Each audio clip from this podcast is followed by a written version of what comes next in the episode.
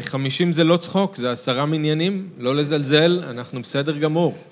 ואלה שמכם בבית צופים בנו, אנחנו שמחים שאתם יושבים סביב המסך ומתפללים כמו שסטפן התפלל, שבאמת הוא אמר שרוח אלוהים תחבר בינינו ונהיה אחד.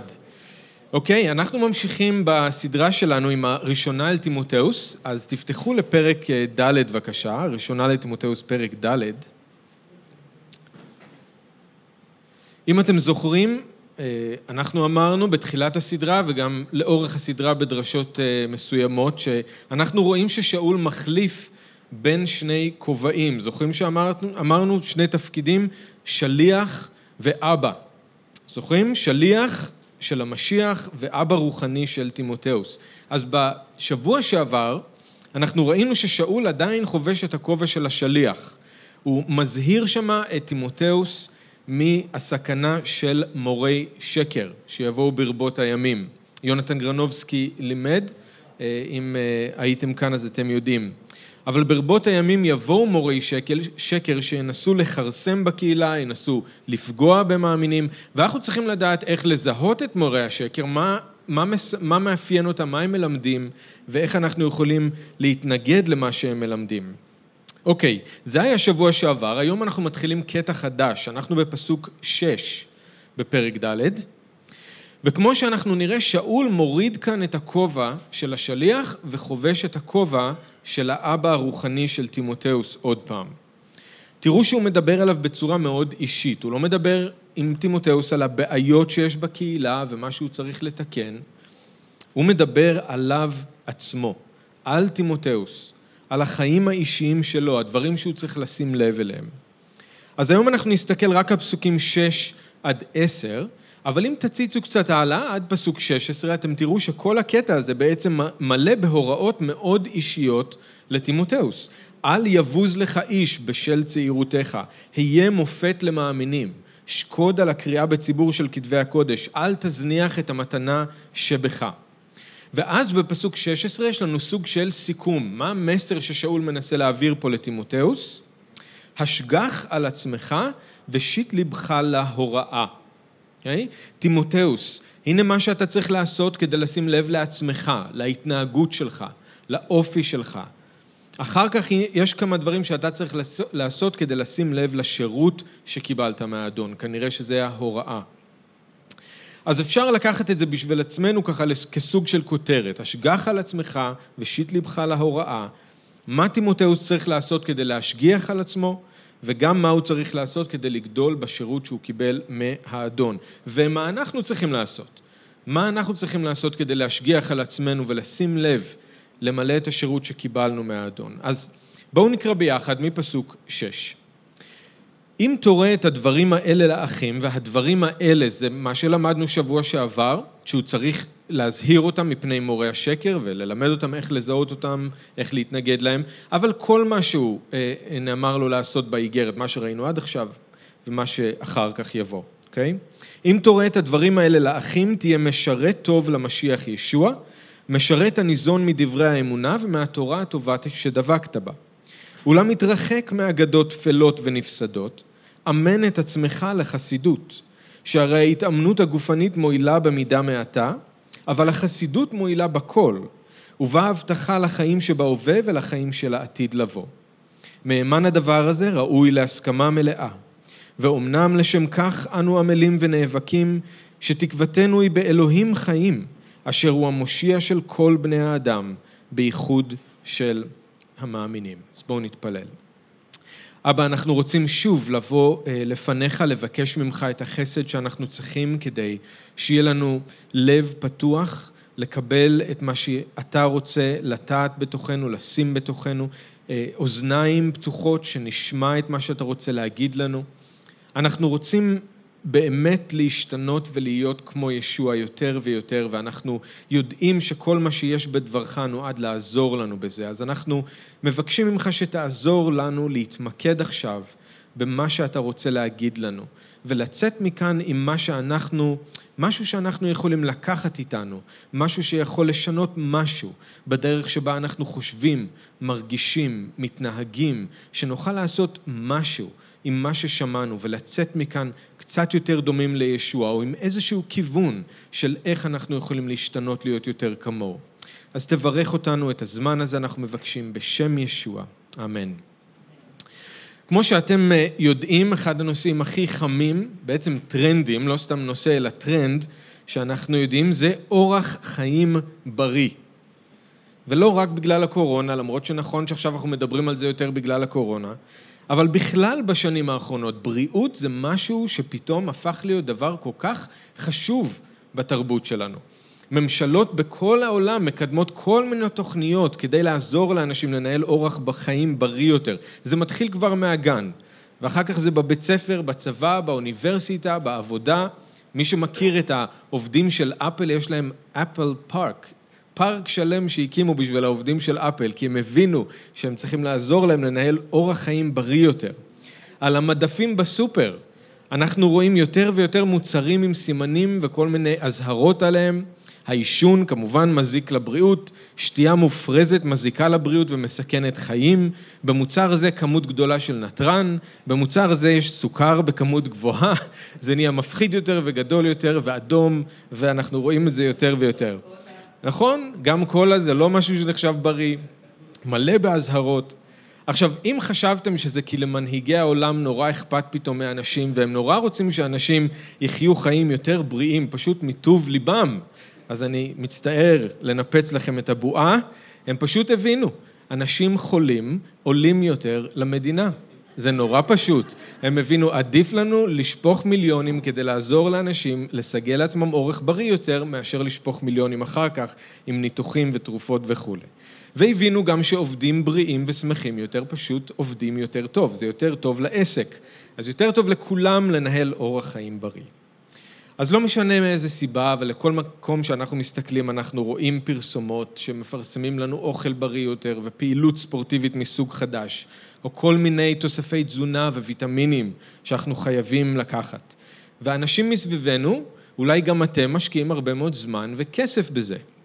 אני מצטער להגיד, אני מודה ומתוודה שאני קצת מנוי נרשם סדרתי, מנוי סדרתי כזה בחדרי כושר, אני מדי פעם נרשם, זה מחזיק קצת זמן. ואז זה נעלם, אבל uh, אני ממשיך, אני מתמיד. יש הפסקות גדולות בין מנוי למנוי, אבל אני מתמיד.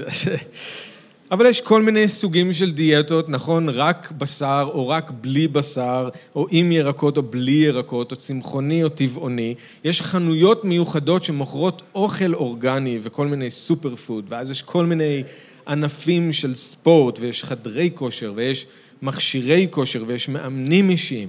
ויש כל מיני שיטות, ספינינג וזומבה ופילאטיס ו-TRX ו street workout, ואין סוף לאפשרויות שלנו היום לאיך אנחנו יכולים לנהל אורח חיים בריא יותר.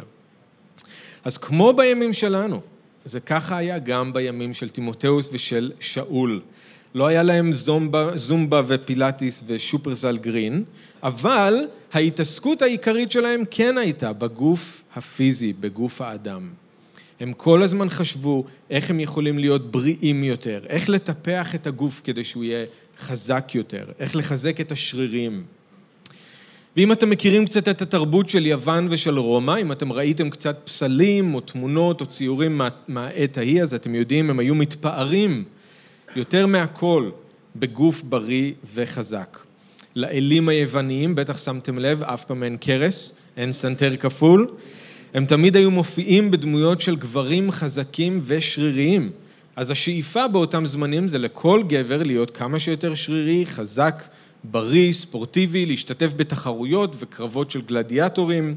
איפה שרק היה אפשר, היו רוצים להציג את הגוף החזק הזה לרעבה. משם אתם בטח יודעים, אנחנו מקבלים את העניין של פיתוח גוף ואולימפיאדות ואיצטדיונים, כל זה בא משם. אז ההתעסקות בימינו, ההתעסקות אז הייתה די אובססיבית בגוף האדם, בבריאות. עכשיו, למה אני מדבר על אורח חיים בריא ועל פיתוח גוף? מה זה קשור לקטע שלנו? אז תשימו לב שזאת בדיוק התמונה ששאול מציג כאן לטימותאוס. הוא מדבר איתו על תזונה נכונה ועל אימון, על אורח חיים בריא. וטימותאוס הוא בחור צעיר שחי בתרבות הרומית, אז הוא יודע בדיוק למה הוא מתכוון. דרך אגב, באפסוס היה כמו בערים הגדולות האחרות, איצטדיון מאוד מאוד גדול, שכל הזמן היו מתנהלים בו תחרויות וקרבות של גלדיאטורים, ובמשך כל השנה היה אפשר לראות שם ספורטאים שמתאמנים. אז הוא יודע בדיוק על מה שאול מדבר. עכשיו, שאול לא מנסה לעודד אותו להצטרף לאיצטדיון ולספורטאים שם, הוא משתמש בזה כדוגמה. הוא מנסה להסביר לטימותאוס שמה שהם עושים שם באיצטדיון, כדי להשגיח על הגוף שלהם, זה מה שאתה צריך לעשות, מה שטימותאוס צריך לעשות, כדי להשגיח על עצמו באמונה. אם טימותאוס רוצה להצליח בשירות שהוא קיבל מאלוהים, הוא חייב לסגל לעצמו אורח חיים בריא באמונה. וזה מה שכל אחד מאיתנו צריך לעשות. עכשיו, אני רוצה כבר להגיד, שיהיה ברור, ואני אחזור על זה כמה פעמים, ששאול לא פוסל התעמלות פיזית או טיפוח של הגוף. אוקיי? Okay? זה, תאמינו לי שאם היה אפשר להסיק את זה מכאן, הייתי אומר בשמחה. דבר אלוהים אומר לי שאני לא צריך להתאמן. הייתי קופץ על זה, זה לא מה שהוא אומר, אוקיי? הוא לא פוסל את זה. הוא פשוט אומר שכששמים את הבריאות הפיזית ליד הבריאות הרוחנית וחושבים על מה נותן יותר, אז אין מה להשוות בין השניים. הוא אומר, הדבר הכי חכם לעשות זה להשקיע הרבה יותר בלפתח את הרוח, את הרוח מאשר לפתח את הגוף. זאת המסקנה שלו.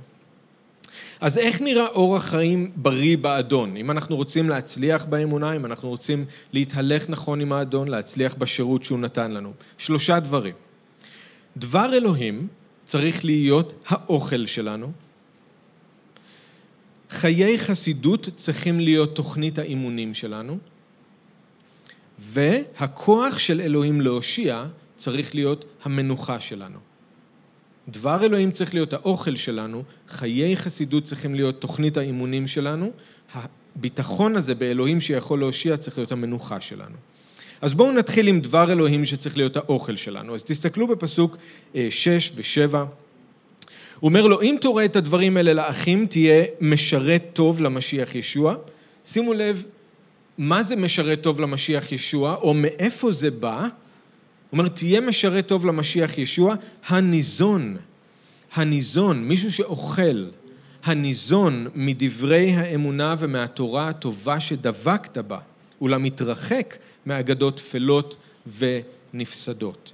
אז תראו ששאול עובר כאן מהשירות הציבורי של תימותאוס אל מה שקורה מאחורי הקלעים, אל החיים האישיים שלו. הוא בעצם עובר לדבר על המקור של השירות הטוב, מאיפה השירות הטוב הזה בכלל בא. והשירות הטוב הזה בא מחיים בריאים באמונה. הדבר הראשון שתימותאוס צריך לשים לב אליו זה שהוא אוכל נכון, משרת הניזון מדברי האמונה ומהתורה טובה שדבקת בה.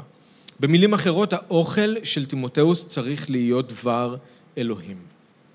השירות שלו זה ללמד את האחים, נכון? הוא צריך ללמד אותם את דבר אלוהים, הוא צריך ללמד אותם את התורה הבריאה, להזהיר אותם מפני תורות שקר, אבל כדי שהוא יוכל לעשות את זה, הוא בעצמו צריך להזין את עצמו קודם כל בדבר אלוהים ובתורה הבריאה. זה הסדר הנכון של הדברים. ואתם זוכרים שכל האיגרת הזאת היא מדברת על סדר בקהילה וסדר בחיים של המאמינים. וכאן שאול אומר, אתה רוצה להיות משרת טוב, אתה רוצה להביא סדר לקהילה, אתה תביא סדר קודם כל לחיים שלך עצמך. לפני שאתה ניגש אליהם כדי ללמד אותם את דבר אלוהים ולהזהיר אותם מפני תורות שקר, תוודא שאתה עצמך אוכל נכון, אוכל את דבר אלוהים, את דברי האמונה. עכשיו, אני רוצה שתחשבו על זה ככה. תימותאוס, מי זה תימותאוס? מאמין חדש? לא. תימותאוס יודע את כתבי הקודש מנעוריו. סבתא שלו ואימא שלו לימדו אותו את דבר אלוהים מאז שהוא ילד קטן. דבר אלוהים לא חדש לו. לא חדש לו. ואחר כך בתור בחור צעיר הוא לומד משאול השליח בעצמו את הדרך של האשדון ואת דבר אלוהים והוא מתלווה אליו למסעות הביסור. אז שאול לא אומר שזה רק למאמינים חדשים. זה מה שאני רוצה שתזכרו. זה משהו שמישהו כמו תימותאוס צריך לעשות. הוא מכיר את הכתובים, הוא חי ונושם את הכתובים, ועדיין הוא חייב להזין את עצמו בדבר אלוהים. אז זה לא משהו שאנחנו עושים רק בהתחלה כשאנחנו באים לאמונה. זה משהו שאנחנו ממשיכים לעשות אותו כל החיים. כמו שאנחנו למשל לא אוכלים רק עד גיל שמונה, נכון? ואז אנחנו אומרים, לא, זה בסדר, אכלתי מספיק. אני כבר בן עשרים, אני לא צריך לאכול, אני אכלתי מספיק שנים. לא, אנחנו לא אוכלים רק בהתחלה, אנחנו אוכלים כל החיים שלנו. עכשיו, זה נכון שבהתחלה, בתחילת הדרך שלנו באמונה, זה כן משהו מיוחד. אנחנו כמו אנשים מורעבים, אז אנחנו מתנפלים על הספר, ואנחנו לא יכולים להפסיק לקרוא, ואנחנו רוצים לדעת הכל ולדעת עכשיו. אחר כך זה משתנה, זה נכון, אנחנו כבר לא מתנפלים על הספר באותה צורה, אבל אנחנו ממשיכים לקרוא את דבר אלוהים בצורה מסודרת כל יום. ואנחנו ממשיכים להזכיר לעצמנו את האמת שיש בדבר אלוהים ואת ההבטחות של אלוהים, כי ככה אנחנו מזינים את עצמנו. אין דרך אחרת. דבר אלוהים, תקשיבו, דבר אלוהים הוא האוכל של האדם הפנימי שבכם. זה בלתי אפשרי לגדול ולהתחזק באדם הפנימי, בלתי אפשרי, לא קשה. בלתי אפשרי לגדול ולהתחזק באדם הפנימי ולהצליח בחיי האמונה בלי דבר אלוהים. זה טוב מאוד אם אתם מקפידים על איזושהי תזונה, דיאטה או תזונה או משהו כזה, גם אני עושה את זה, זה בסדר, זה טוב מאוד. אבל תזכרו שהאדם הפנימי שלכם לא יודע מה לעשות עם הדיאטה הזאת. תזונה צמחונית או טבעונית או קטוגנית או פלאו, שום דבר מזה לא משפיע על האדם הפנימי בכלל. בכלל. זה לא מגיע לשם, זה לא נוגע בו, הוא לא יודע מה לעשות עם האוכל הבריא שאתם אוכלים. הדבר היחידי שהוא יודע לאכול זה דבר אלוהים. לא על הלחם לבדו יחיה האדם, כי אם על כל מוצא פי אדוני. האדם הפנימי לא צריך לחם, האדם הפנימי צריך את מוצא פי אדוני.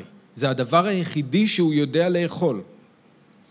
אם אתם מונעים ממנו את זה, אתם מרעיבים אותו, אתם מחלישים אותו, ובסופו של דבר אתם מכשילים רק את עצמכם. לא יהיה לכם כוח ברוח, האמונה תישאר קטנה, לא תצליחו להתמודד עם החיים בדרך של האדון, לא יהיה לכם מה לתת לאחרים, לא תצליחו להיות כל מי שהאדון ברא אתכם להיות. אני לא אומר את זה כדי לשים עליכם אשמה, אני אומר את זה כי אני רוצה שאתם תדעו שזאת הדרך, לגדול ולהתחזק. הנטייה שלנו זה מיד לחשוב על, על זה במובן של אשמה. אני כל כך רחוק מאיפה שאני צריך להיות, אני לא קורא מספיק בדבר אלוהים, אל תיקחו את זה לשם. תיקחו את זה בצורה חיובית, תתעודדו שיש דרך לגדול ולהתחזק באדון. אלוהים נתן אוכל לאדם הפנימי, הוא נתן לנו את זה, אנחנו צריכים להתחיל להשתמש בזה. ויש מלחמה רוחנית ויש את הבשר שלא רוצה, אבל זה הפתרון היחידי. אל העברים י"ג תשע אומר, אל תיסחפו על ידי תורות שונות וזרות, הן טוב לסעוד את הלב בחסד, ולא בדברי מאכל אשר לא הועילו לפי מי שחי על פיהם. הראשונה לקיפה ב' שתיים, וכעוללים אשר זה מקרוב נולדו, התאהבו לחלב הזך של הדבר, למען תגדלו באמצעותו לישועה. דבר אלוהים הוא אוכל, אוכל של ממש. האוכל היחידי שהאדם הפנימי יודע לאכול. אז אם אנחנו רוצים לגדול ולהתחזק באמונה ולהצליח בשירות שהאדון נתן לנו, חייבים למצוא את הדרך לאכול מדבר אלוהים כל יום. ואני מציע לכם פשוט למצוא תוכנית קריאה שמתאימה לכם. יש המון, יש המון סוגים של תוכניות קריאה. אני אישית מחליף את התוכנית קריאה שלי כל כמה שנים. אז תמצאו את הדרך שלכם הכי נוח, לפי האורח חיים שלכם, לפי האישיות שלכם, איך אתם יכולים כל יום לקרוא בדבר אלוהים. עכשיו, אולי ייקח לכם שנה לקרוא את הכתובים, אולי ייקח לכם שלוש שנים. זה ממש לא משנה. תורידו מעצמכם את הלחץ. אין כזה דבר שאומר שבכתובים כתוב לנו שאתה חייב לקרוא את כל הכתובים בשנה, ואם זה בשלוש זה לא בסדר. אין בעיה שזה לוקח יותר זמן, העיקר שאתם כל יום תהיו בדבר אלוהים. זה הכי חשוב. ואז כשאתם מסיימים את התוכנית קריאה שלכם, תתחילו שוב. זה מה שעושים. ותמשיכו עם זה עד שישוע יחזור, או עד שהוא ייקח אתכם אל, אליו, זה הכל, זה מאוד פשוט. אין הפסקה, תחליפו תוכנית קריאה אם אתם צריכים מדי כמה זמן, זה בסדר, אבל אין הפסקה. כל יום דבר אלוהים עד שהוא בא או עד שהוא לוקח אותנו אליו. הורים, אני רוצה לעודד אתכם לקרוא את הכתובים כל יום עם הילדים שלכם. תקראו איתם משהו כל יום. ואז הם יגדלו עם ההרגל הזה, וזה כבר יהפוך להיות חלק מסדר היום שלהם. לא צריך, זה לא יהיה להם קשה ולא צריך לריב איתם, הם רגילים לזה כבר. ואז אתם יודעים מה קורה? הם עושים את אותו הדבר עם הילדים שלהם. וככה זה עובר מדור לדור, ההרגל הזה, לקרוא בדבר אלוהים כל יום. וזה יכול להיות קצת, זה לא צריך להיות הרבה. אנחנו לא צריכים לרוץ מהר. זה לא עניין של כמות, זה עניין של איכות. אני רוצה עוד משהו להגיד, אני רוצה לעודד אתכם להמשיך ולקרוא בדבר אלוהים בלי קשר לאיך שאתם מרגישים. בלי קשר לאיך שאתם מרגישים. נכון שלפעמים אנחנו מרגישים ממש שדבר אלוהים ממלא אותנו ומזין אותנו ומעודד אותנו, זה ממש מוחשי, מורגש לנו. אבל האמת היא שהרבה מהזמן אנחנו קוראים את דבר אלוהים והוגים בדברי האמונה בלי להרגיש כלום. פשוט כי אנחנו יודעים שזה מה שמזין אותנו, זה מה שמאכיל את האדם הפנימי, זה בונה אותנו. גם אם אין שום חוויה שמתלווה לזה, תמשיכו לקרוא את דבר אלוהים. אל תחפשו את החוויה ואת הרגש, זה אוכל. האדם הפנימי חייב את האוכל הזה, בלי קשר לאיך שאתם מרגישים. אוקיי, אז דבר אלוהים זה האוכל שלנו, אבל אם עשיתם אי פעם דיאטה, אז אתם יודעים, זה לא מספיק לאכול את הדברים הנכונים, אתם צריכים גם להפסיק לאכול את הדברים שמזיקים לכם, נכון? לא משנה כמה סלט אתם אוכלים, אם אתם ממשיכים לאכול פיצות ושוקולד, זה לא יעזור לכם, נכון? אז זה, זה הצד השני של תזונה נכונה, ותראו ששאול באמת מזהיר את תימותאוס, לא רק לאכול את דבר אלוהים, אלא להתרחק מאגדות טפלות ונפסדות. ובפרק ו' פסוק עשרים הוא אומר לו, לסור מדיבורים טפלים וחסרי קדושה ומטענות ופריחות של מה שבכזב מכונה דעת. אז מצד אחד תימותאוס צריך להזין את עצמו בדברי האמונה והתורה הבריאה, באותו זמן הוא חייב להתרחק מאגדות טפלות ונפסדות. זה שני הצדדים. תזונה, דיאטה זה תמיד ככה, זה דברים שאני אוכל, אבל זה גם מה שאני לא אוכל. וחשוב מאוד לשים לב לזה. למה? יש מאמינים שאני מכיר שדווקא כן קוראים את הכתובים כל יום. הם מקשיבים לדרשות, הם מנסים לגדול באמונה, הם מנסים להעמיק. אבל בכל זאת, הם לא ממש מצליחים להתבגר באמונה, הם לא ממש מצליחים להתקדם, לא מצליחים לחיות את החיים שאלוהים יעד בשבילם. למה? לא כי הם לא מזינים את עצמם בדבר אלוהים, אבל הם לא נמנעים מהדברים האחרים שמזיקים להם. זאת הבעיה. הם מערבבים את האוכל הטוב של דבר אלוהים עם זבל שמוכרים להם, בדרך כלל באינטרנט. הם קוראים בדבר אלוהים ולומדים, אבל באותו זמן הם נכנסים גם לכל מיני תיאוריות שאין להם שום בסיס בדבר אלוהים, או כל מיני סיפורים שהם ריקים מתוכן. מי הוא באמת צורר המשיח? האם מצאו את הקבר האמיתי של ישוע? איפה נמצא ארון הברית? באיזו שנה ישוע יחזור? לאן נעלמו עשרת השבטים? איך להכין את הקטורת שהייתה אז בבית המקדש? איך לפצח את הסוד המקראי על ידי גימטריה? מה זה קוד דה וינצ'י האמיתי? זה שטויות והרשימה עוד ארוכה. אנשים, אני מכיר אנשים טובים, אוהבים את האדון, אוהבים את דבר אלוהים, אבל הם מזיקים לעצמם, כי הם נסחפים אחרי כל מיני רעיונות משונים. הם מזינים את עצמם בדבר אלוהים, אבל הם לא מתרחקים מאגדות טפלות ונפסדות. חשוב שנאכל את מה שבאמת מזין אותנו, לא פחות, לא פחות חשוב שנתרחק ממה שמזיק לנו. אוקיי, דבר אלוהים האוכל שלנו, חוץ מדבר אלוהים, שזה האוכל, אנחנו צריכים גם להתאמן. זה הדבר השני שאנחנו רואים ששאול אומר כאן. חיי חסידות צריכים להיות תוכנית האימונים שלנו. תסתכלו בפסוק שבע, אמן את עצמך לחסידות. שהרי ההתאמנות הגופנית מועילה במידה מעטה, אבל החסידות מועילה בכל, ובה הבטחה לחיים שבהווה ולחיים של העתיד לבוא. שאול אומר לטימותאוס שהוא צריך לאמן את עצמו לחסידות, זאת אומרת שהוא צריך להרגיל את עצמו לחיים החדשים במשיח. אני יודע שזה יכול להיות מבלבל כשהוא משתמש כאן במילה חסידות, אנחנו רגילים לזה בעולם הדתי, היהודי דתי, חרדי, חסידות גור וחסידות ברסלב וחסידות חב"ד, אבל הוא לא מתכוון לזה. זאת מילה שמופיעה הרבה גם בטימותאוס, גם בטיטוס. הכוונה היא פשוט מאוד החיים החדשים במשיח, ההידמות לישוע ולאופי של המשיח. מישהו שחי חיי חסידות, הוא חי בדרך של האדון, זה כל מה שזה אומר. היה מי שהציע שאפשר לחשוב על זה ככה, איך ישוע היה חי את החיים שלי אם הוא היה במקומי? וזאת חסידות. איך ישוע היה חי את החיים שלי אם הוא היה במקומי? זאת חסידות, זה הכל. איך הוא היה חי במקומי כתלמיד בבית ספר? איך הוא היה חי במקומי כסוכן נדל"ן? איך הוא היה חי במקומי כפקיד במשרד או הורה שמגדל ילדים? כשאני חי את החיים שלי, כמו שישוע היה חי אותם אם הוא היה במקומי, זאת חסידות. אוקיי, אז שאול אומר לטימותאוס, אתה צריך לאמן את עצמך, אתה צריך להרגיל את עצמך, להכשיר את עצמך לחיים החדשים במשיח. והוא משתמש כאן במילה טכנית מהעולם של הספורט, של האיצטדיונים, של האתלטיקה, כשהוא אומר להתאמן.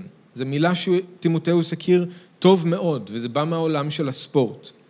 אתם זוכרים שהוא גם כתב לקורינטים, החיים המשיחיים זה כמו לרוץ מרוץ, אתם צריכים לרוץ כמו מישהו שרוצה לנצח ולהשיג את הפרס, או כמו היאבקות. אז כאן הוא אומר לטימותאוס, אתה צריך להתאמן כמו שהאתלטים מתאמנים באיצטדיון כל יום. אבל להתאמן בחסידות, לאמן את עצמך לחיות את החיים החדשים במשיח.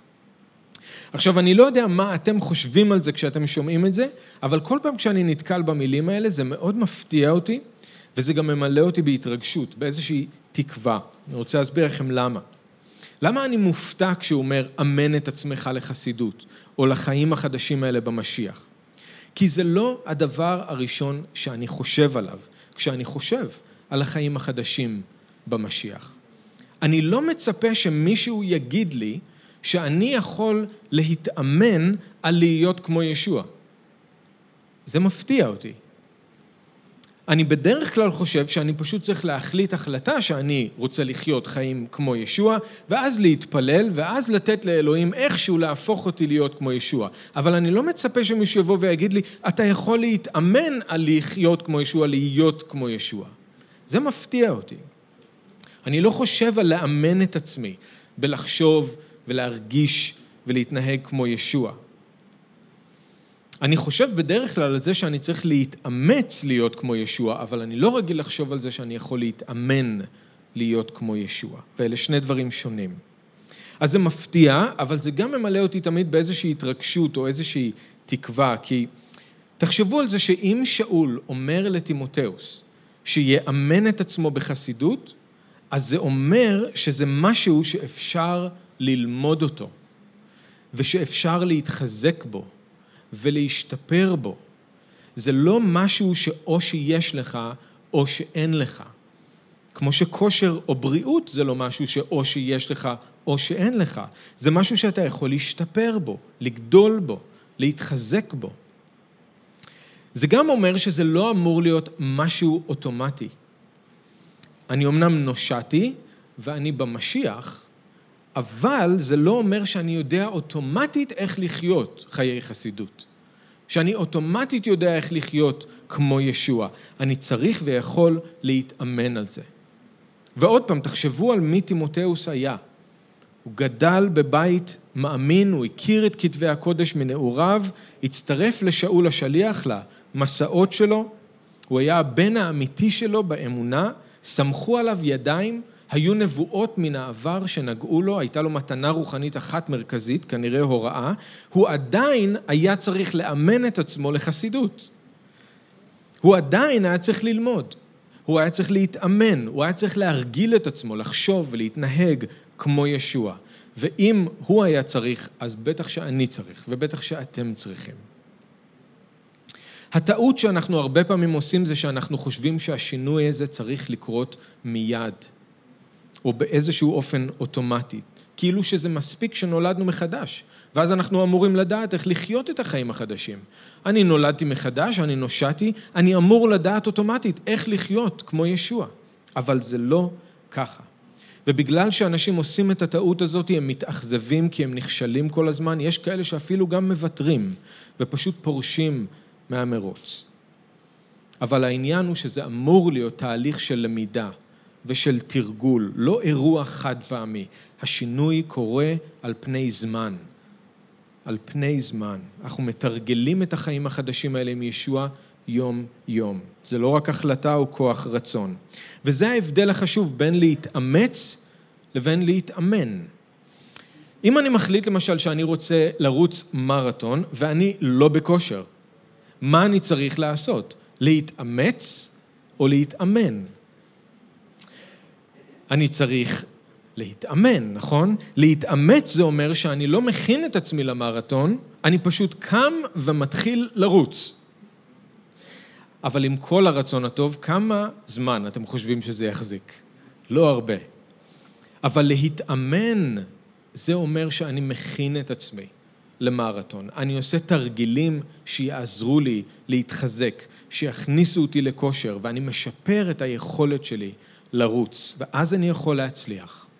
וכשאנחנו חושבים על החיים החדשים במשיח, אנחנו רוב הזמן מתאמצים ולא מתאמנים. רוב הזמן אנחנו מתאמצים ולא מתאמנים. אנחנו מחליטים שאנחנו רוצים להיות כמו ישוע, בכל הכוח. ואנחנו מגייסים בתוכנו את כל האמונה ואת כל כוח הרצון שלנו, ואנחנו מחליטים, אנחנו לא נעשה את זה, אנחנו כן נעשה את זה, אנחנו נחיה כמו ישוע. ואנחנו נכשלים כל כך הרבה פעמים, למרות שיש רצון, למרות שאנחנו מחליטים שאנחנו נעשה את זה. כי זה כמו מישהו שמחליט שהוא רוצה לרוץ מרתון, הוא לא מתאמן, הוא פשוט מתאמץ, זה לא עובד. אז אנחנו צריכים לאמן את עצמנו בחסידות או לחסידות. מה זה אומר? זה אומר שאתם יכולים פשוט מאוד לקחת את הדברים שישוע לימד, אני ממליץ לכם להתחיל מהדרשה על ההר. זה הבסיס לכל שאר הדברים. תתחילו ממה שישוע לימד בדרשה על ההר, פשוט תתחילו לתרגל את הדברים האלה ביום-יום. תנו לאור שלכם להאיר דרך מעשים טובים, תתרצו מהר לאח שלכם אם אתם זוכרים שיש לו משהו נגדכם. אל תביטו מתוך תאווה. במקום להישבע, פשוט שהכן שלכם יהיה כן, שהלא שלכם יהיה לא, וכל שאר הדברים שישוע אומר, אומר שם. פשוט תתרגלו את זה ביום-יום. תתחילו. אל תנסו לעשות את זה לבד, תיקחו איתכם עוד אח או אחות לדרך, לפחות עוד מישהו אחד איתכם, ותתחילו לתרגל ביחד את הדברים האלה. תתחילו בקטן, תתחילו בקטן ממה שאתם יכולים. תהיו מוכנים לזה שיהיו הצלחות ויהיו גם כישלונות. תלמדו מהכל, ואז תחשבו איך אתם יכולים להשתפר. עכשיו, אני רוצה להגיד לכם, אתם תראו, כשאתם תתחילו לאמן את עצמכם לחסידות, זה לא יהיה פשוט, אבל כשאתם תתחילו, אתם תראו שהאדון יפגוש אתכם שם, עם חוכמה, עם גבורה, והוא יעשה דברים נפלאים. אתם תצליחו לעשות דברים שלא חשבתם שתוכלו לעשות. תסמכו עליו, תצאו לדרך. עכשיו עוד מילה בעניין הזה, אלוהים כבר הכין לכם תוכנית אימונים, בין אם אתם מודעים לזה או לא, וזה כל מה שקורה לכם כל יום. המצבים שאלוהים שולח אל תוך החיים שלכם, זאת תוכנית האימונים שהוא הכין במיוחד בשבילכם, והיא מתאימה במיוחד בשבילכם. ולי יש את התוכנית אימונים שלי שמתאימה במיוחד בשבילי. וכל מה שאתם צריכים לעשות זה לשתף פעולה עם אלוהים וללמוד. איך זה נראה? זה אלוהים שולח מישהו לחיים שלכם להיות סבלני כלפיו, מישהו לסלוח לו, קושי כלכלי, רכב תקוע, מחשב שלא עובד, בוס קשה בעבודה, לחצים ממשפחה וחברים, אמנו את עצמכם לחסידות. ככה זה עובד. אתם לא תצליחו לאמן את עצמכם לחסידות בכיתה, בקהילה. כאן אתם ניזונים מדברי האמונה והתורה הבריאה, אבל אתם לא מאמנים את עצמכם לחסידות כאן. אתם צריכים לאמן את עצמכם לחסידות שם, איפה שיש קושי ואתגר. שמה קורה הפלא. עכשיו, חוץ מלשתף פעולה עם אלוהים במצבים האלה של היום-יום, אתם חייבים לנסות להכניס אל תוך החיים שלכם הרגלים רוחניים. תפילה, צום, כן, הגות בדבר אלוהים, התחברות, נתינה. אל תנסו לעשות את הכל בבת אחת, ביחד, זה לא ילך, אבל לאט לאט תתחילו לנסות להכניס הרגלים אל תוך החיים שלכם. גם זה חלק מלאמן את עצמכם לחסידות. אוקיי, okay, אני, אני מקצר, כי אנחנו קצרים בזמן, אז אני צריך לסיים, אבל אתם תוכלו להגות בזה אחר כך עוד. דניאל הוא דוגמה טובה למישהו שאימן את עצמו בחסידות. מההתחלה, כשהוא החליט למנוע מעצמו את האוכל ואת השתייה של המלך, ואחר כך שלוש פעמים ביום הוא היה הולך לבית שלו, עולה לבית שלו, מתפלל עם חלונות פתוחים לכיוון ירושלים, והוא היה לומד את דבר אלוהים, כי הוא ידע בנבואות ירמיה שהזמן לגלות נגמר, אם אתם זוכרים. אז דניאל הוא דוגמה טובה מאוד למישהו שאימן את עצמו לחסידות, אפילו שם בבבל. אוקיי, הדבר האחרון שאני רוצה להגיד זה ככה, אנחנו צריכים לאכול נכון דבר אלוהים, לאמן את עצמנו לחסידות, כן. והחסידות יש בה... רווח, יש בה הבטחה גם לחיים האלה, גם לחיים שיבואו, והוא משווה את זה שם לזמניות ולרווח המוגבל של הפעילות הפיזית. אבל אני רוצה להשאיר אתכם עם דבר אחרון, וזאתי, זה הפסוק האחרון שיש לנו שם בתשע ועשר, הפסוקים האחרונים. וזה המנוחה שלנו, המנוחה שלנו בכוח של אלוהים להושיע. אנחנו כן צריכים להתאמץ, אבל יש לנו גם מנוחה באלוהים. מהימן הדבר הזה וראוי להסכמה מלאה, ואומנם לשם כך אנחנו עמלים ונאבקים, שתקוותנו היא באלוהים חיים, אשר הוא המושיע של כל בני אדם, בייחוד של המאמינים.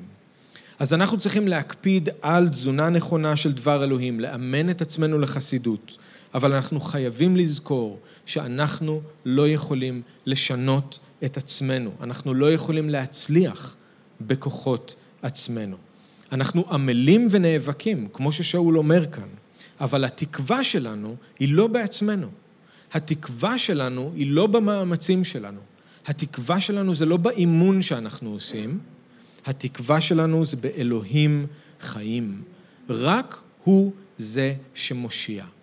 הוא משגיח על כל בני האדם, כל מי שאי פעם ניצל מסכנה, ניצל כי אלוהים מושיע אותו, אבל הוא מושיע באופן מיוחד את המאמינים, כי להם הוא נותן חיי עולם. והוא לא מושיע אותם רק כאן בעולם הזה, אלא מושיע אותם לנצח. אז אם אנחנו רוצים אורח חיים בריא באמונה, דבר אלוהים צריך להיות האוכל שלנו. חיי חסידות צריכים להיות תוכנית האימונים שלנו, אבל בסופו של דבר אנחנו גם נחים ביכולת של אלוהים להושיע אותנו. לא הכוח לבנות אותנו ולתת לנו נחלה בקרב כל המקודשים. אמן? בואו נתפלל ביחד. אבא, אנחנו רוצים להודות לך על מה ששמענו, ויש עוד כל כך הרבה בתוך הקטע הזה שאנחנו יכולים לשאוב ממנו כדי שאנחנו נוכל לנהל אורח חיים בריא באמונה. אז אנחנו מבקשים ממך שתעזור לנו להגות בדברים ששמענו, לחזור לזה, להתפלל ולצאת לדרך באמונה ופשוט לשתף פעולה איתך. לתת לך להביא אל תוך החיים שלנו את כל מה שאנחנו צריכים, כדי שאנחנו נוכל להפוך ולהיות יותר כמו ישוע. זה מה שבסופו של דבר יעשה אותנו לשריגים שנושאים פרי רב, ומה שיביא כבוד לך. אז זה מה שאנחנו רוצים, אנחנו מבקשים את החסד הזה, לדעת איך לאכול נכון, להתאמן, ואז לנוח בך. אנחנו מודים לך בשם ישוע, אמן.